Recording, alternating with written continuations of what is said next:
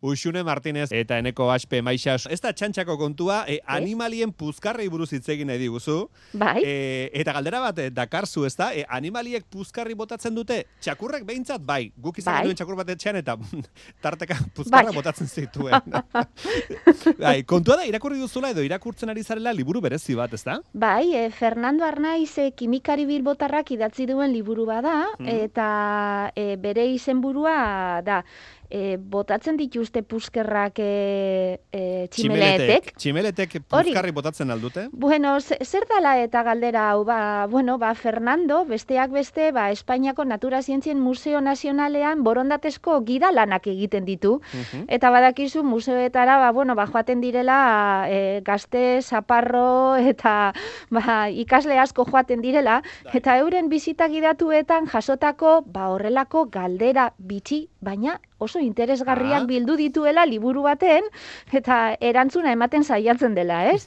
Eta bueno, ba, kontua da, berak planteatzen duela, ez? Bueno, guk badakigu gizakiok eta puskerrak botatzen ditugula, egunean gutxi gora bera, e, amar, hogeita amar e, bitarteko, ez? Pusker, bueno, kantitate hori botatzen dugu. Amarro goita mar puzkar artea botatzen dugu egunero? Bai, Ah, bai, bai, bai, e, batzuk oso zenak eta jabe egiten gara euretaz, baina beste batzuk nahi gabi irtetzen dira, eta, Bai. Aha. bueno, ba, pasatzen dira, holan, ba, lausotuagoak, ez? Ero lausotuta pasatzen dira.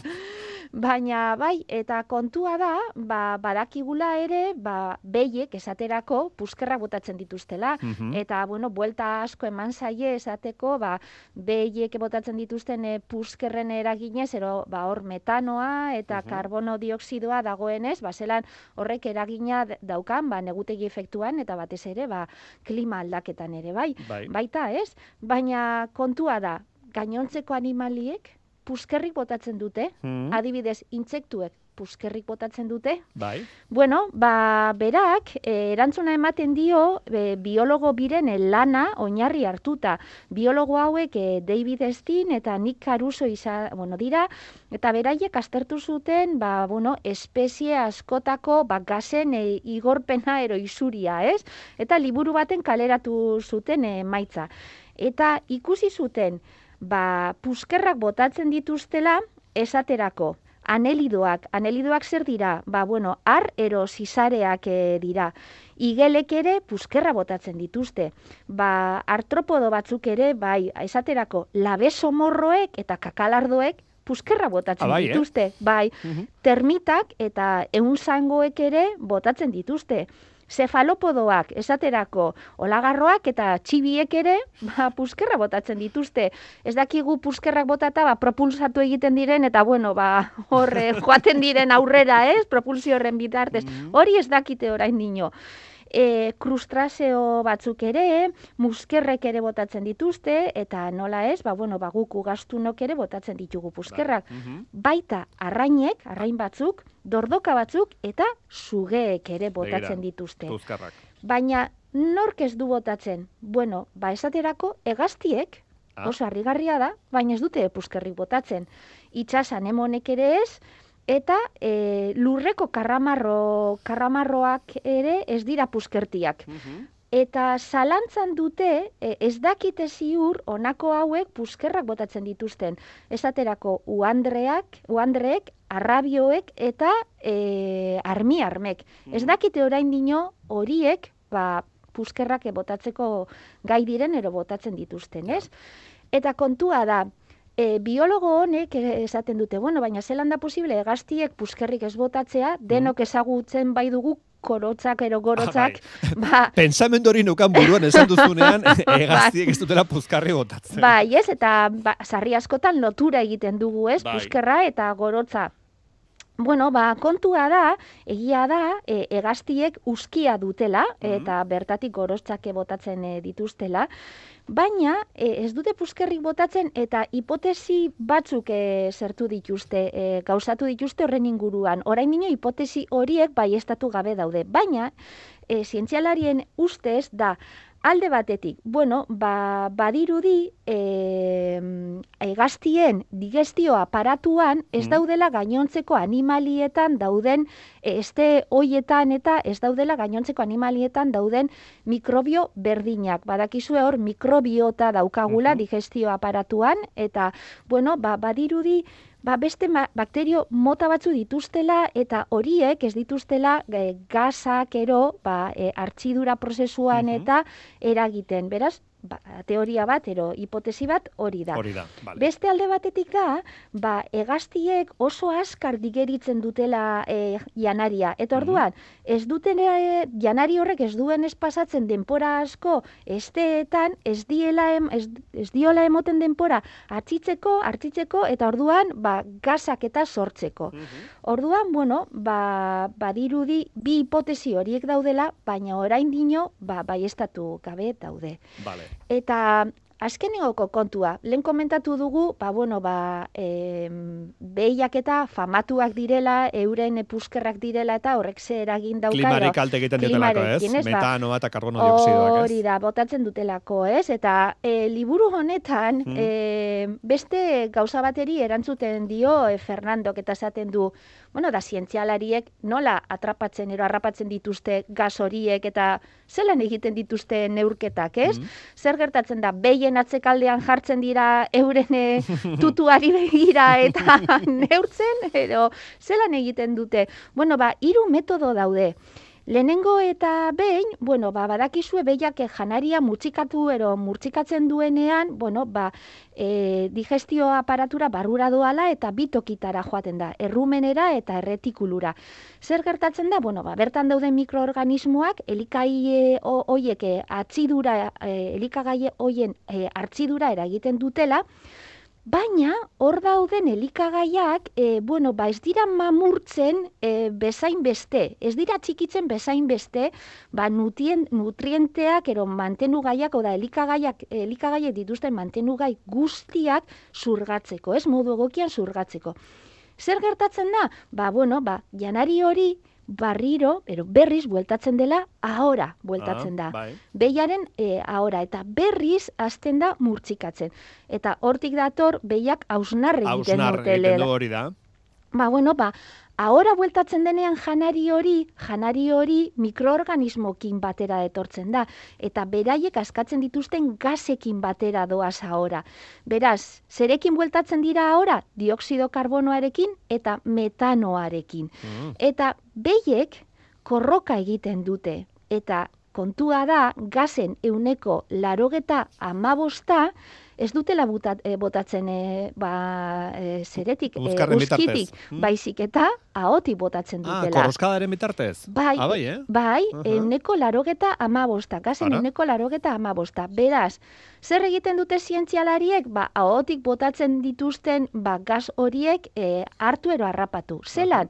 Ba, e, esaterako, funda bat jartzen dizkiete behiei sudurrobietan, Mhm. eta hauek korrokadak botatzen dituztenean, gaz hoiek batu egiten dituzte, odiero tutu batzuen bitarteaz, funda horretan dauden tutu batzuen bitarteaz, eta lepoan izaten dute jarrita ba, horrelako kutsatila bat, eta orduan gazak, ba, tutu hoien bitartez, lepora doaz. Eta orduan neurtu egiten dute, ba, tarte jakin baten, ba, zenbat e, gaz bota du, e, Mhm. dituzten, eta hoien e, osagaiak, gero, bueno, zer nolakoak diren. Beraz, hori da metodo bat. Bai. Bigarren Eta metodo... da- Esan, Ah, parkatu, parkatu. Ez, ez, ez, esan behar nuena Bai. da, e, metodo honen bitartez, Mm. bai, neurtu dutela e, behi, bakoitze, behi bakoitzak produzitzen duen e, metano kuantitatea, mhm, eta da izugarria. bai, E, bosteun litro egunean, Bai. Bosteun litro egunean, eta karo, kalkulatu, daude e, munduan e, Milio- bat koma bost mila milioi hori da, behi, orduan, bai, e, dana multiplikatuta ateratzen dira saspireun eta berrogeita hamar mila milioi litro metano, saspireun eta berrogeita hamar mila milioi litro Mhm. metano egunero egunero botatzen ditugu e, zerura Zerura, bai. behien, behien bitartez. Mhm, Bai, bai, bai. Horregatik nik beti esaten dut, ecologista basarén, Han eh, berde gehiago, Bai. barazki gehiago, Eta okel gutxiago. lokala, lokala eta organikoa bada, hobeto eta Hobeto, eta bai. behi gutxiago. Bai. bai, bai, bai. Bai, ze oso gauza kuriosoa da, baina e, pusker guztiak ez dira berdinak. Eta Mhm. hor, esaterako, behien e, puskerren inguruan, desberdina dirak, ba, larreko behiak Mhm. badira, esneko behiak badira, okelako, okelarako behiak badira, ba, oso gauza interesgarria bai. da. Et, et, Eta- eta bai egia da, eh, eh, esan behar da, eh, planetan duen impactua ez dela berdina, logikoki, Aha. ba, ba, baso bat badagoen, e, e, baso hori guztiz mostea, eta bai behiak jartzea, edo edo ba, autoktonak diren behiak eukitzea ez da berdina duen impactua. Bai. Baina landa be, alanda be, behi Bai. bakoitzak impactu handia du. Esan duzu, e, egunero, behi bakoitzak bosteun litro gas isurtzen dituela. Bo- behi bosteun bakoitzak. litro, bo, bosteun litro metano. Metano. Metano. Eta metano, eh, ko- kontua da, ez duela eh, hor goian horren beste denbora zegoten CO2arekin konparatuta, baina metanoa berez, asko be txarragoa da Txarragoa da, CO2, bai. CO2arekin konparatuta. Aha. Beraz, eh, horregaitik da importantea eh, jaten duguna eta eta gure planetaren osasuna. Bai. Ari Hori zinen esplikatzen usune ze metodo dauden, e, zera, Bai. behiek isurtzen duten gasa neurtzeko, eta esan diguzu, pensaken ez dakela igual uzkitik neurtzen dela, ba ez, neurtzen da korroskaden bitartez, behien korroskaden Hori bitartez, ez da? Hori da, orduan bat metodo bat izan da, ba, e, muturrean fundatxo bat jartzea eta hortik jasotzea hodi batzuen bitartez ba, isurtzen dit, ero igortzen dituzten gazak. Eta beste metoda bat da, ba, aska berezi bat presta, aska berezi batzu prestatzen dituztela zientzialariek. Eta bueno, ba, aska horretan eureke behieke burua sartzen dute jateko eta ba, bertan e, ba, ba, zera jan egiten ditu, e, dute pentsua eta ematen zaiena eta aska horretan bort- botatzen duten arnasa ero atzaren laginak hartzen dituzte eta hoien e, ba, bueno, ba, gaz komposizioa ero ero o, e, osagaiak aztertzen dituzte. Mhm. Eta hirugarren metodoa da laserra. Laserra Ah, bai? erabiltzen dute bai, esateko landetan eta larreetan, ba, baskatzen libre dauden, ba, e, behien e, Mhm. gazak eta, ba, zertzeko, neurtzeko, eta zelan egiten dute, bueno, ba, gaz, be, e, e, zelan da, em, laserra e, botatzen dute, laserre izpiak eta botatzen dituzte, Mhm. ba, euren inguruan, eta de, e, detektagailu berezi batzuen e, bidez, bueno, ba, e, laser horiek e, egiten dutena da animalien inguruan pilatzen den metanoaren e, zerak ne, e, kantitateak eta eman egiten dituzte, hau da jakinarazi egiten dizkie, Bai. ba, bueno, ba, neurgailu berezi, ero detektagailu berezi horiek, bueno, zientzia fikzioa ematen du, baina Bai, ez, bueno. benetakoa da. Eta hauek dira, e, hiru metodo nagusiak, ba, gure behien eta gazen igortzea, ero Neurtzeko, hori ez? neurtzeko, Vale, bai, vale. bai. Eta horrelako bitxikeriak eta beste hainbat animaliei buruzkoak topatuko dituzue e, Fernando Arnaizen liburuan. Fernando Arnaiz da kimikari bilbotar bat, hori da, Eta, bueno, e, berak lan egiten duen museoan aurrek eta galdera oso kuriosak egiten zizkioten, bai. eta galdera horitatik tiraka, ba, liburu idatzi du, eta norbaitek interesa baldin baduka, e, liburuaren izenburua da, se tiran pedos las mariposas, igelek da. puzkarrik botatzen aldute. bai, hori da. tximeletak, Hori hori da. Da. Ah, bai, hori da tximeletak, tximeletak, igelak esan dut? Bai, bai, beraz, bueno, ba, badakizue, ba, zizare bat hartzen baduzu egun eskuekin eta, ba, kontu zibili, ze horiek ere puskerrak Puzkarra botatzen dituzte. Egaztiek ez, baina zizarek bai. Hegaztiek ez, Ah. eta oso berezia da, ze hegaztiak eh, dinosauroetatik omen datoz, bueno, badakizue, bueno, Bai. ba, evoluzioaren, evoluzioaren bitartez, eta jakin, antza, badakite, dinosauroek puskerra botatzen zituztela. Ah. Beraz, hor, evoluzioaren bide horretan, zerbait galdu egin da. Galdu egin da. Bai. Ez dakit, ez dakit eh, nik zer nahiago dudan daukadan esperientzia aitarekin bizitzen Tyrannosaurus Rex batena edo nire aita, no, zerika kriminalak, kriminalak. Kriminalak. Eneko, badakizu besteen usainak eta puskerrak eta ez ditugula onartzen gureak bezain beste. Da. Gurekin egunero bizi behar dugulako eta ohituta gaude Eta- eta, gainontzekoenak ba Ez ditugu hainbeste maite, ez? Ez, ez. Bai. Ez, dak, ez dakit zeri buruz hitz egiten ari zaren, baina nik ez ditut botatzen. Ah, ja, ez. Zuzara munduan persona bakarra egunen Bai. amar eta hogeita amar puskar artean botatzen ez dituena. E, e, egazti bat ote zara Hori, orduan. hori, hori, hori, hori, hori, hori.